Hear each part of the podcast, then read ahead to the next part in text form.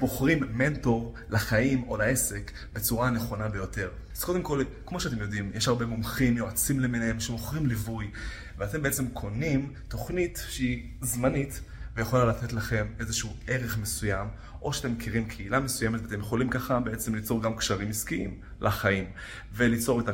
power base שלכם, את ה power group, ולהשתייך לקבוצה של אנשים איכותיים כמוכם שמחפשים הצלחה ושיפור בחיים. אבל, שימו לב, קודם כל, אל תרבו במנטורים ואל תרבו בכאלו יועצים למיניהם. אתם בוחרים מנטור, יועץ, למשל, שעשה את מה שאתם רוצים לעשות והצליח במה שאתם רוצים לעשות, הצלחה מסחררת, בשביל שתוכלו לבחור וללכת בדרך שלו, ולעשות modeling לאותו בן אדם, שהוא בעצם היועץ, המומחה והמנטור שלכם.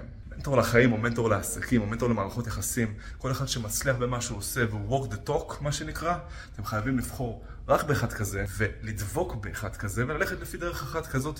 כי אם אתם מרבים ביועצים, אתם מבלבלים את עצמכם בסופו של דבר, כי לכל אחד ואחד יש דרך אחרת משלו להצליח בתחום כזה או אחר.